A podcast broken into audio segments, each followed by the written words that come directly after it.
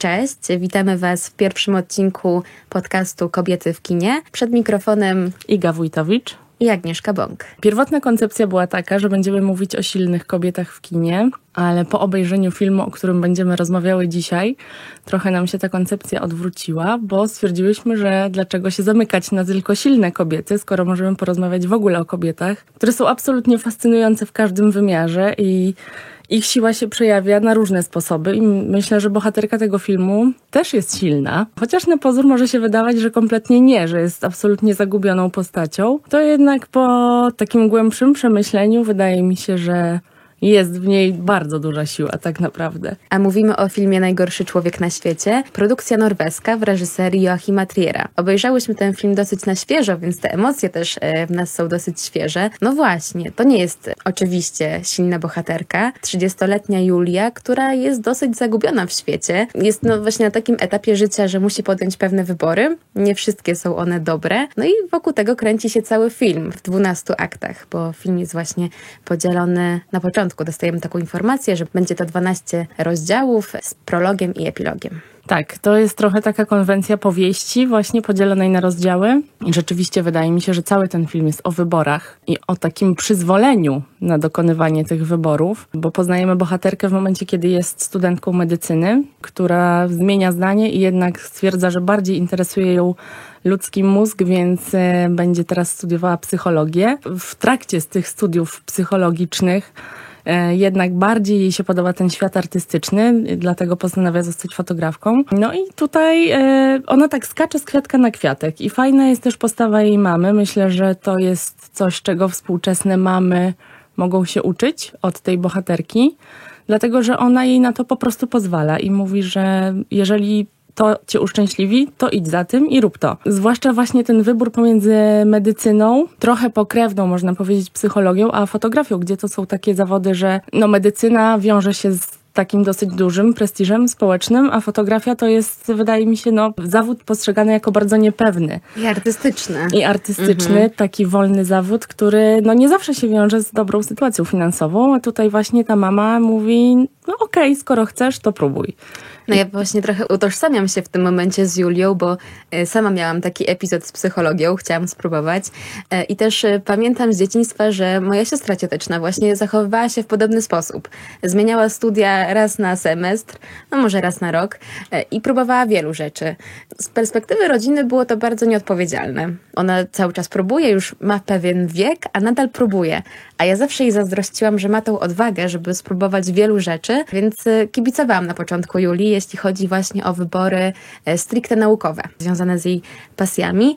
Jeśli chodzi o wybory miłosne Julii, to już jest bardziej kwestia dyskusyjna. No właśnie, bo też trzeba powiedzieć, że ona za każdym razem przy tych zmianach e, ścieżki zawodowej zmieniała siebie. Zmieniała swój wizerunek, obcinała włosy, zapuszczała, zmieniała ich kolor, zmieniała styl e, ubioru, zmieniała makijaż, no i zmieniała też chłopaków. To się też łączyło dosyć ściśle właśnie z tymi jej zainteresowaniami, bo jak została fotografką, to związała się, wydaje mi się, że z jakimś modelem, z tego co pamiętam. Tak.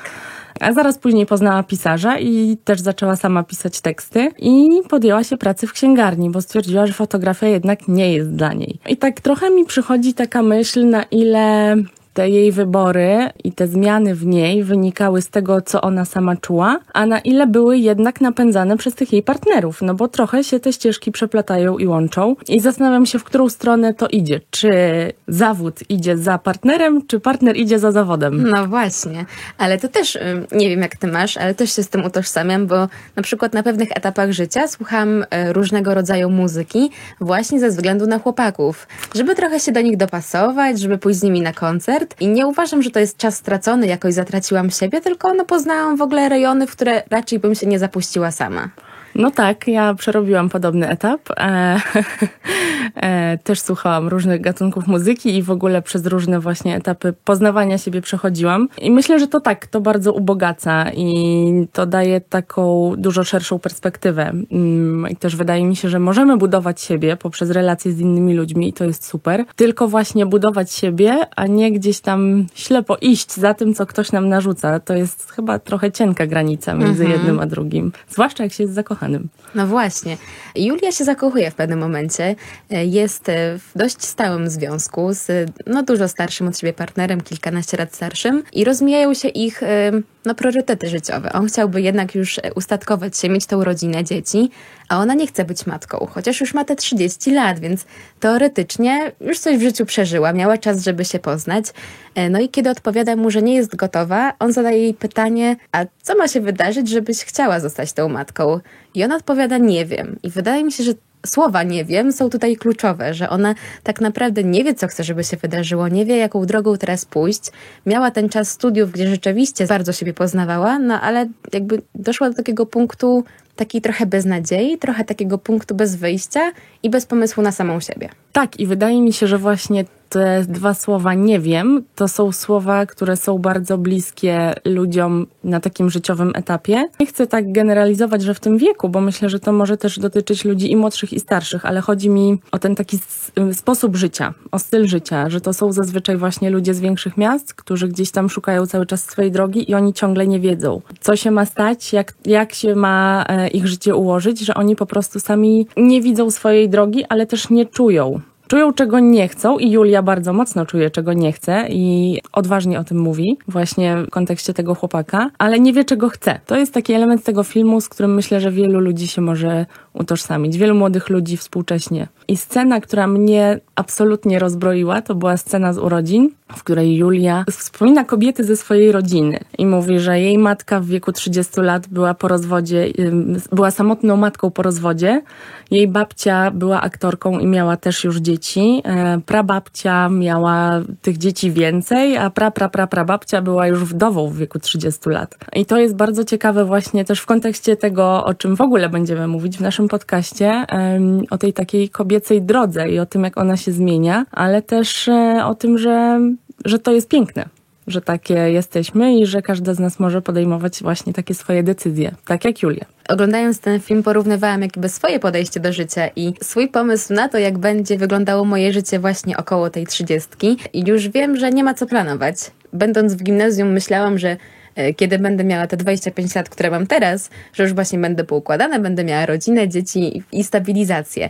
Julia też chciała mieć tą stabilizację, ale kiedy tak naprawdę już była jej bardzo blisko, uciekła. Wydaje mi się, że duży wpływ na jej ucieczkę miało spotkanie z tymi znajomymi jej chłopaka, którzy już, e, oni byli w wieku, w wieku jej chłopaka, który był od niej sporo starszy. Mieli swoje rodziny i to był taki wakacyjny wyjazd, e, gdzie ona była najmłodsza mhm. i e, jedyna była bezdzietna i doświadczyła tego, jak wygląda macierzyństwo tak z bliska. No a wygląda różnie, no bo czasem jest fajnie, a czasem jest tak jak w tym filmie, gdzie dziecko biega i krzyczy i nie, matka nie jest w stanie sobie z nim poradzić.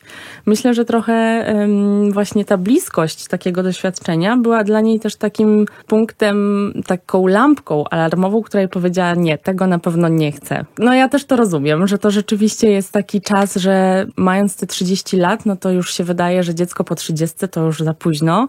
E, gdzieś tam zewsząd nam się krzyczy, że zegar biologiczny tyka i że trzeba szybko, szybko. A może właśnie dobrze jest zrobić tak dwa kroki w bok, odetchnąć i przyjrzeć się temu, czy na pewno to czujemy. Jeszcze nawiązując do tego, co mówiłaś o krewnych, o prababkach Julii, wydaje mi się, że i tak jesteśmy teraz w bardzo dobrej sytuacji, bo mamy jednak przedłużony ten czas e, wyborów i właśnie ustalania sobie tej własnej drogi, bo jednak nasze mamy, babcie, bardziej babcie, miały utarte schematy i one się bardzo w nie wpisywały, no ze względów takich i ekonomicznych, i kulturowych, społecznych. A teraz ten wiek na podejmowanie pewnych ważnych decyzji trochę się przesuwa i ta trzydziestka jest jednak jakąś taką datą ważną w umysłach naszych, ale jednak to nie jest 20 lat jak ileś lat wstecz. No tak, na pewno ta 30 to jest, e, ja też mogę ze swojej perspektywy powiedzieć, że dla mnie ta 30 jest jakimś takim punktem granicznym na tej życiowej mapie, ale właśnie kobiety z pokolenia na przykład naszych mam, babci na pewno, te 30 lat to było dla nich e, myślę, że mniejsze wydarzenie niż jest dla nas, dlatego że one w przeważającej części miały już wtedy rzeczywiście właśnie to poukładane życie, że była rodzina, były dzieci, trzeba było po prostu się tym zajmować, co się działo, więc też ta 30 wydaje mi się, się, że nie była dla nich jakimś takim przełomem. Bardziej może czterdziestka, może gdzieś tam te późniejsze etapy. Natomiast dla nas ta trzydziestka to jest chyba właśnie taka nowa osiemnastka. Taki moment, kiedy my naprawdę czujemy, że musimy dorosnąć i że to już jest ten moment, że się trzeba tak trochę ułożyć w życiu. I też tak, tak widzę po prostu i po sobie, i po ludziach z mojego otoczenia, że te 30 lat to tak trochę nad nami wisi jak miecz Damoklesa, że po prostu no przyjdzie ten czas i co wtedy? No i do Julii też przyszedł ten moment, że ona musiała sobie powiedzieć, co teraz, ale w zasadzie nie podjęła żadnych drastycznych kroków, ani żadnych wielkich decyzji, nie wyszła za mąż, nie urodziła dziecka i wydaje mi się, że właśnie to, że nie urodziła tego dziecka, to było dla niej wielką ulgą. Ona w tej scenie, w której poroniła, siedzi uśmiechnięta i to jest trochę może dla niektórych być straszne i trochę szokujące, ale z drugiej strony też myślę, że dla niej to było dobre, dlatego że no ewidentnie ona nie była taką osobą, która lubi się zmuszać do czegoś. Bo gdyby się kierowała jakimś takim kodeksem, że tak trzeba, to na pewno zostałaby z tym pierwszym chłopakiem, na pewno nie, nie poszłaby na imprezę, na którą się po prostu wprosiła. Nawet nie tyle wprosiła, co po prostu przyszła. Więc e, też właśnie ta ciąża i ta decyzja o tym, on, która nad nią wisiała, ona tak naprawdę żadnej decyzji tutaj nie podjęła. Widać było, że się zastanawia nad tym, że nie wie, czego chce i, i, i mówiła o tym. Ale wydarzyło się to dosyć naturalnie. Ale wydarzyło się to mhm. dosyć naturalnie, więc po prostu los trochę zdecydował za nią i, i myślę, że ona właśnie była taką bohaterką, która lubi się na los zdawać. Jej postawa i w ogóle ten film pokazuje to, że czasem jesteśmy na coś niegotowi, ale niegotowi przy niektórych osobach. Chłopak, z którym była później, z którym była w ciąży, później zdecydował się na rodzinę z kimś innym. Z nią nie był na to gotowy. Nie chciał. Oni na początku związku ustalili, że oboje nie chcą być rodzicami, ale został tym rodzicem z kimś innym. I też widzę to, że to jest bardzo życiowe, bo y, patrząc po, po znajomych, po osobach w otoczeniu, niektóre osoby zarzekają się pewnych wyborów, że nie, nigdy tego nie zrobię, a kiedy pojawia się odpowiednia osoba, zmieniają to zdanie, więc jakby życie jest bardzo płynne i tylko no, krowa nie zmienia zdania.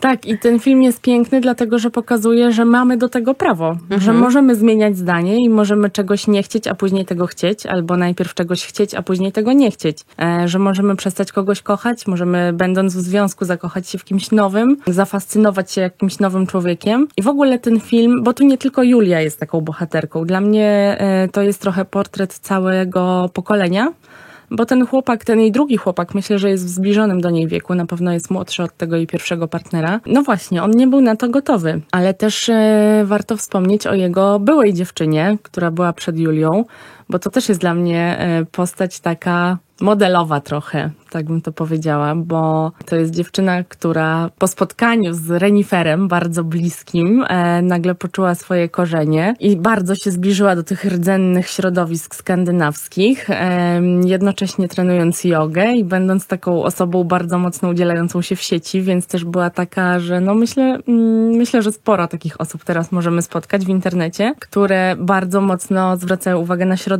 na ekologię i też mi się podobało w tym filmie to, że właśnie takie osoby też tam były. To moim zdaniem sprawia, że ten film jest bardzo autentyczny, bo rzeczywiście to są takie odnośniki, które gdzieś tam w rzeczywistości możemy odnaleźć i myślę, że mnóstwo jest chłopaków w tym wieku, którzy po prostu nie są gotowi na dzieci e, albo nie są gotowi, nie wiem, na jakieś poważniejsze decyzje, a potem zmieniają zdanie i w ogóle no bardzo, bardzo życiowy film. E, I też jest ciekawe to trochę, może nie to, że odwrócenie, bo jakby no już tendencje w filmach są, są różne, ale to, że to Julia nie jest gotowa na założenie rodziny, a nie jej partner, e, ten, z którym była najpierw w tym dłuższym związku, że jednak kobieta też ma teraz prawo na zastanawianie się. Tak, na zastanawianie się i na, myślę, że na myślenie o sobie, mhm. po prostu.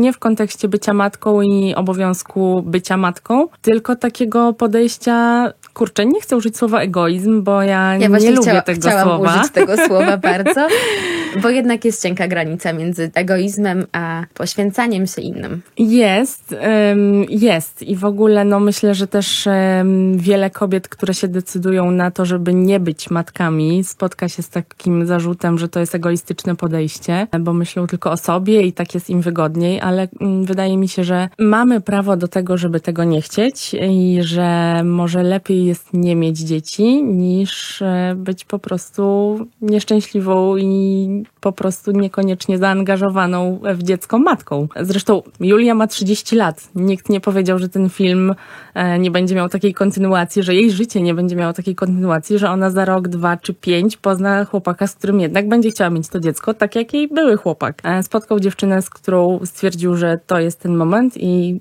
chce założyć rodzinę. I być może Julia też będzie chciała, bo nie ma w filmie deklaracji, że ona na pewno nigdy nie zostanie matką. Ona nie była na to gotowa w tym momencie, ale też e, nie powiedziała tego wprost. Wydaje mi się, że ulżyło jej, ale to nie, nie było Także ona, przecież ona nie podjęła tej decyzji. To się wydarzyło samo mm, i też w rozmowie z tym swoim pierwszym chłopakiem, kiedy poszła powiedzieć mu o tym, że jest w ciąży, powiedziała mu, że nie wie, że znowu nie wie, czego chce mhm. i nie wie, czy chce mieć to dziecko, czy nie chce go mieć. E, no tutaj życie za nią zdecydowało samo, ale właśnie ona się nie, nie określiła się jasno, że na pewno nie. Więc też nie ma co tak e, jej tutaj spychać właśnie w ten worek egoistycznej kobiety, tak. która na pewno nigdy nie urodzi dziecka. No tak. Ten film nas poruszył właśnie ze względu na to, że jest e, bardzo życiowy i odnajdujemy trochę siebie, trochę swoich, e, swoich znajomych w tym filmie. E, I to jest właśnie jego siła. Ten film nas bardzo poruszył właśnie dlatego, że jest życiowy i bardzo współczesny i myślę, że jest bardzo dobrym portretem naszego współczesnego pokolenia. Właśnie takiego niezdecydowanego, rozbieganego, rozedrganego, ale mającego prawo do tego, co czuje i mającego prawo do tego, żeby podejmować decyzje albo tego nie robić. A mówiłyśmy o filmie Najgorszy człowiek na świecie, produkcji norweskiej w reżyserii Joachima Triera. Serdecznie zapraszamy Was do kina, no i do słuchania naszego podcastu.